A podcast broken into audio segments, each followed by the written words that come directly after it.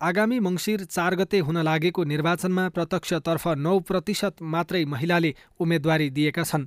संविधानले प्रतिनिधि सभा र प्रदेशसभामा कम्तीमा तेत्तिस प्रतिशत महिलाको सहभागिता अनिवार्य गरेको छ।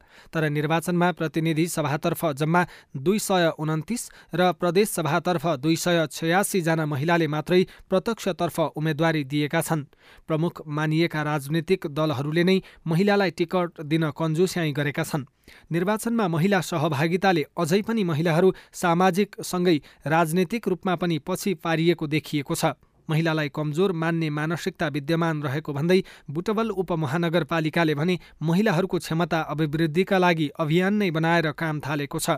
सिआइएनसँग कुराकानी गर्दै उपमहानगरपालिकाका उपप्रमुख सावित्रा देवी अर्यालले महिलाहरूको सशक्तिकरणका लागि प्राथमिकताका साथ काम भइरहेको बताउनुभयो महिलाहरू पछाडि पर्ने भनेको राजनीति रूपले सांस्कृतिक सामाजिक सबै कुराले के हो त भन्दा आर्थिक रहेछ। चुनाव आउँछ हामीले उम्मेदवारी माग्यौँ भने तसित पैसा छैन भन्नुहुन्छ होइन? सम्पत्तिका मालिक पनि छैनौँ। त्यसले गर्दाखेरि बुटुल उपमहानगरपालिकाभित्र रहेका महिलाहरूलाई पहिला आर्थिक रूपले सक्षम बनाउनका लागि महिला उद्यमशीलता उपप्रमुखले आयोजना गरेको महिला उद्यमशीलता कार्यक्रमलाई अगाडि बढाउने उहाँहरूलाई सिप सिकाउने र गृहिणी रोजगार कार्यक्रम भनेर पनि ठुलो बजेट विनियोजित गरेका छौँ।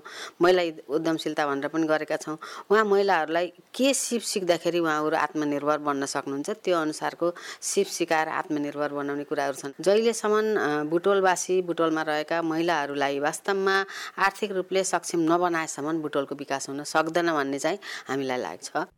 बाढी पहिरो महामारी जस्ता विपदका समयमा महिला बालबालिका सीमान्तकृत वर्ग र समुदायहरू बढी प्रभावित हुने गरेको विभिन्न अध्ययनले देखाएको छ। त्यसैले सरकारी तथा गैर सरकारी निकायले बनाउने प्रतिकार्य योजना तथा उद्धार र राहतमा त्यस्ता वर्गलाई पहिलो प्राथमिकता दिनुपर्नेमा विज्ञहरूले जोड दिएका छन्। यस्तो समयमा गर्भवती तथा सुत्केरीहरू अझ बढी प्रभावित हुने भएकाले योजना बनाउँदा उनीहरूलाई विशेष जोड दिनुपर्ने उनीहरूको भनाइ छ।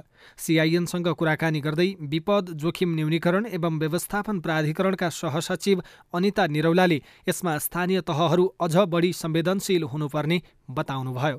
अब खास गरी चाहिँ यो विपद जोखिम न्यूनीकरण तथा व्यवस्थापन ऐन र जुन नियमावली आयो त्यसले नै यो महिला अपाङ्गता भएका व्यक्तिहरू ज्येष्ठ नागरिक लगायत मार्जिनलाइज ग्रुप भनौँ न भलनरेबल समूह भनिन्छ होइन जोखिम संवेदनशील वर्गको लागि चाहिँ विशेष प्राथमिकतामा राखेर संरक्षणका कार्यक्रमहरू अनि त्यस पछाडि सशक्तिकरण र सहभागिता गराउनु पर्ने भन्ने कुरा चाहिँ ऐनले पनि इन्डिकेट गरेको छ।